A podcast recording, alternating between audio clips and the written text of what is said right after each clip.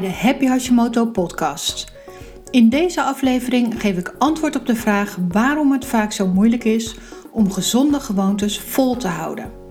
Voor velen van ons een herkenbare situatie. We beginnen vol enthousiasme aan een nieuw gezondheidsregime, maar vroeg of laat haken we toch weer af. Hoe zit het nou en hoe kun je dit voorkomen? Laten we snel beginnen.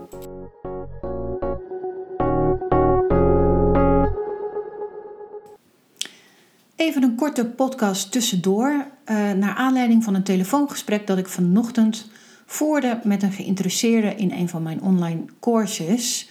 Zij was namelijk bang dat ze ook dit programma weer niet vol zou kunnen houden.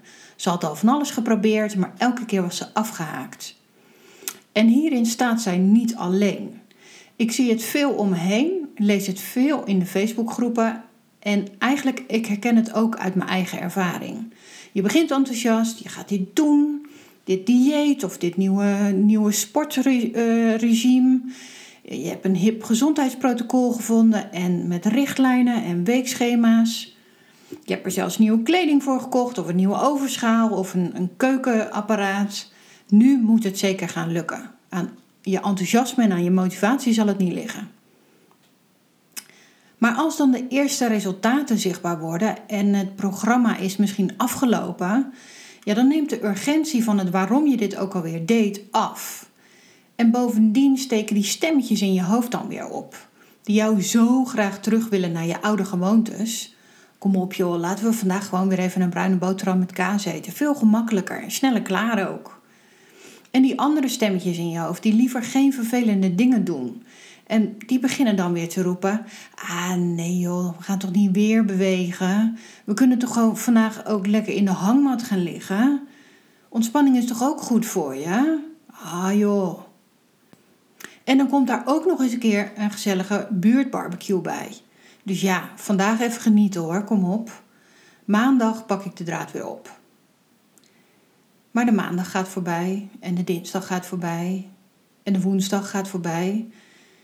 En voor je het weet ben je terug in je oude regime en ben je helemaal al je goede voornemens en je nieuwe gewoontes vergeten.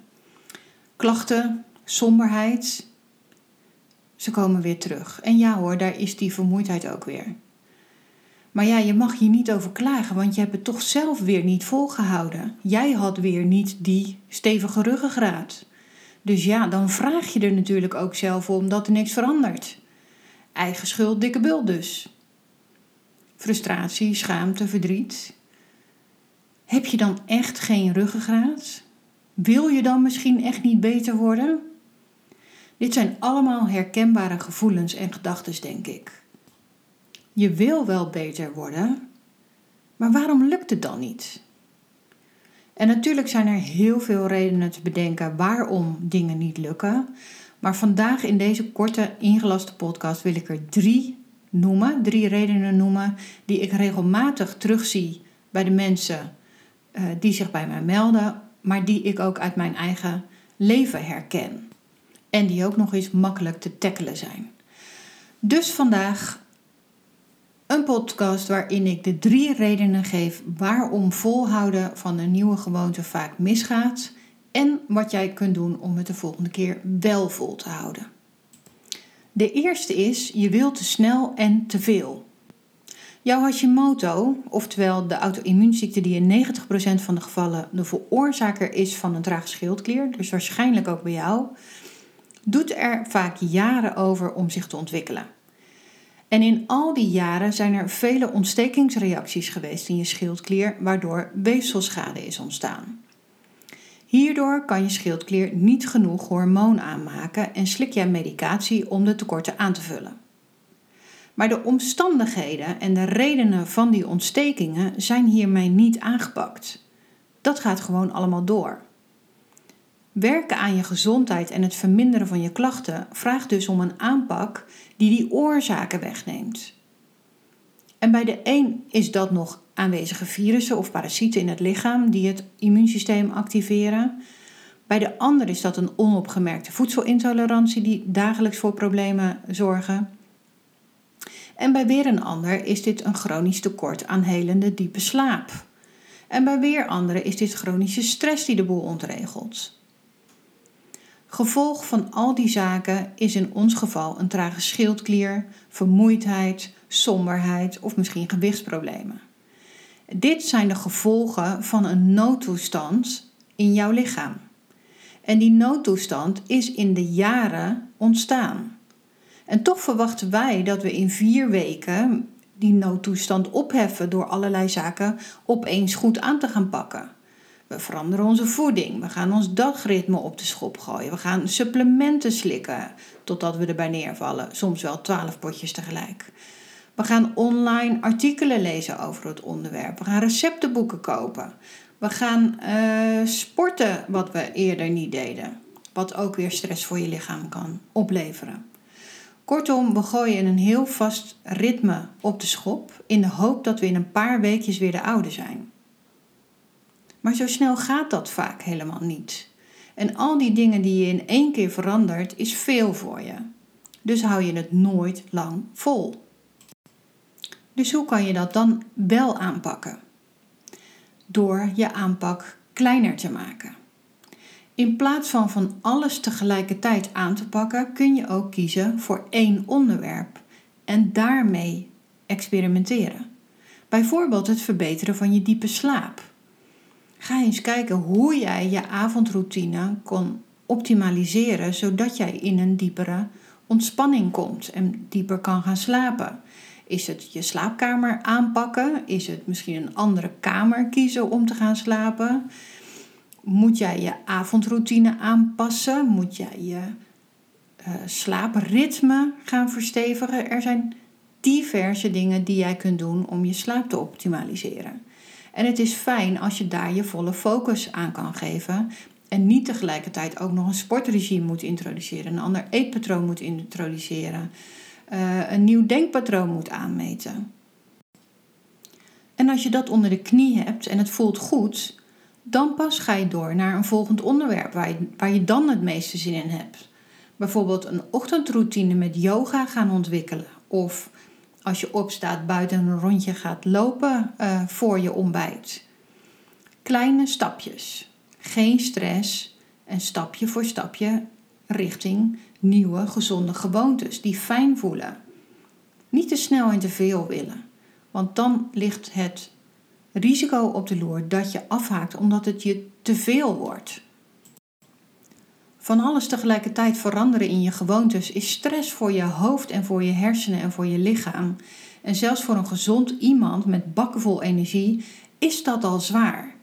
Dus voor jou als iemand met een auto-immuunziekte en al een verminderde energie is dit gewoon niet realistisch. Doe jezelf dat dan ook niet aan. Een tweede reden waarom volhouden van nieuwe gewoontes vaak misgaat, is wanneer je kiest voor een protocol dat te streng is, niet bij jou past of niet bij jouw leven past. Met onze brainvolk en vermoeidheid hebben we vaak niet de energie en de focus om zelf uit te zoeken wat je allemaal kunt doen om je weer beter te voelen. Dus dan is een online iemand die jou een kant-en-klaar plan aanbiedt, en waarin je in zes weken van al je klachten af bent, zo beloven ze, dan is dat een uitkomst. En dat is een kans die je vaak met beide handen aangrijpt. Maar zo'n protocol bestaat niet, dus laat je dit ook niet aanpraten. Ieders lichaam en ieders gezondheid is anders en heeft daardoor andere behoeftes. En een standaard protocol past dus niet één op één op al die behoeftes. Bovendien is ieders persoonlijkheid en is ieders leefomstandigheid anders. Met een druk gezin of een mantelzorgfunctie of in een bijstandssituatie is het wel net even wat anders aan je gezondheid werken dan mensen die volop tijd en financiën hebben om ook hulptroepen in te schakelen. Maar de meeste protocollen houden hier geen rekening mee, houden geen rekening met de omstandigheden, waardoor veel van die protocollen of handboeken of schema's of leefstijladviezen te rigide, te zwaar of niet relevant zijn. En het resultaat is dan, je haakt af. Zonde van je tijd, zonde van je geld en weer een illusie armer. Dus hoe kun je wel een plan van aanpak voor jezelf creëren? Lees je in over wat er nu eigenlijk allemaal in je lichaam aan de hand is en onderzoek op welke gebieden jouw leefstijl wel een upgrade kan gebruiken. Meestal voel je wel aan waar in jouw leven iets mag verbeteren. Voeding, je bloedsuikerspiegelschommelingen, beweging, slaap, stress, medicatie en suppletie, helende routines, een sociaal vangnet. Heb je extra hulptroepen nodig? Verdiep je in al die onderwerpen en desnoods één voor één en niet allemaal tegelijkertijd. En kies één onderwerp per maand of per kwartaal waar je je in verdiept en ga daar rustig mee aan de slag. Ga kijken hoe je dat onderwerp een leveltje kunt upgraden in je leven. Op een manier die haalbaar is, die bij jouw persoonlijkheid past, bij jouw leven past en waar je geen stress van krijgt, maar waar je blij van wordt. Mijn tip zou bijvoorbeeld altijd zijn om te beginnen met het verbeteren van je diepe slaap. En pas daarna te kijken hoe je meer ontspanning kunt toevoegen aan je dagelijks leven. En als je daar drie maanden mee bezig bent, prima. Kan het sneller? Ook prima. Maar laat je niet opjutten of opjagen door iemand met een protocol of andere lotgenoten op internet die het blijkbaar wel sneller kunnen en succesvol doen. En laat je dus ook niet door mij opjutten. Snap waarom je iets gaat doen, wat de voordelen ervan zijn en voel of dit het juiste moment is voor jou. Sta je op het punt van een verhuizing of ga je binnenkort op vakantie of ga je beginnen bij een nieuwe werkgever, ja, dan is het het omgooien van je voedingspatroon waarschijnlijk niet echt een heel handig moment om dat te doen. Maar juist dan is het werken aan een betere slaapkwaliteit misschien wel een slim idee, omdat je daardoor juist die veranderingen in je dagelijks patroon beter aan kan. Kortom, kies je eigen volgorde en ritme. Een derde reden waarom volhouden van een nieuwe gewoonte vaak misgaat, is het feit dat je het alleen doet, waardoor je makkelijker sjoemelt en opgeeft. Kijk, we zijn allemaal geen helden in hulpvragen. Niet lullen maar poetsen, aanpakken, niet zeuren. Nee hoor, het gaat helemaal prima. Maar achter die façade willen we ons ook weer energiek voelen, of vrolijker voelen, of slanker voelen, of weer een scherpe geest hebben en gewoon weer meedoen in de maatschappij. Dus zonder al te veel aandacht op onze ziekte te willen richten, gaan we in stilte aan de slag met het verbeteren van onze situatie. Maar juist omdat we het vaak alleen doen, zijn er een aantal valkuilen. In je eentje is het moeilijker om je initiële enthousiasme vast te houden, waardoor je makkelijker afhaakt. En als je het in je eentje doet, weet je ook niet altijd zeker of je het wel goed doet. Wat angstig kan maken om fouten te maken, waardoor je niet in beweging komt. Of het maakt je juist te relaxed omdat toch niemand ziet wat je doet. En als je morgen stopt, merkt ook niemand het, want niemand wist dat je hiermee bezig was. Dus je hebt ook geen stok achter de deur om door te gaan. Het is dus een stuk makkelijker als je het niet allemaal alleen hoeft te doen. Dus vertel je omgeving wat je aan het doen bent en waarom je het doet. Vraag om hulp waar nodig. Misschien heb je een paar uurtjes oppas per week nodig. Of kan iemand je in de huishouding helpen? Gezinsgenoten, familie, vrienden, zodat je iets meer ruimte en tijd voor jezelf krijgt. Zoek lotgenoten op. Dat kan bij diverse Facebookgroepen, maar ook bij Schildklierorganisatie Nederland. Als jij een volgende keer een poging wil doen om je gezondheid een upgrade te geven, maar je bent bang dat je het niet gaat volhouden, denk er dan aan: maak het kleiner. Jij bepaalt zelf wat je wel en niet wil doen en wanneer je iets wil doen. Laat je door niemand opjutten, niet door een protocol, niet door een standaardplan en ook niet door mij. Werken aan je gezondheid hoeft geen straf te zijn. En je hoeft het ook niet alleen te doen. We zijn met velen, dus zoek elkaar op en steun elkaar. Hoe dan ook, doe het op een manier die bij jou en bij jouw leven past. Dan hou je het altijd vol. Dit was alweer de podcast van vandaag. Super leuk dat je luisterde. Heb je nou iets gehoord wat je aan het denken heeft gezet, of dat je inspireerde, of heb je juist vragen naar aanleiding van deze podcast? Stuur me dan een berichtje via vera.hashimoto.nl of via mijn Facebookpagina of Instagram-account. Schroom niet, ik lees alles en beantwoord ook alle vragen die binnenkomen.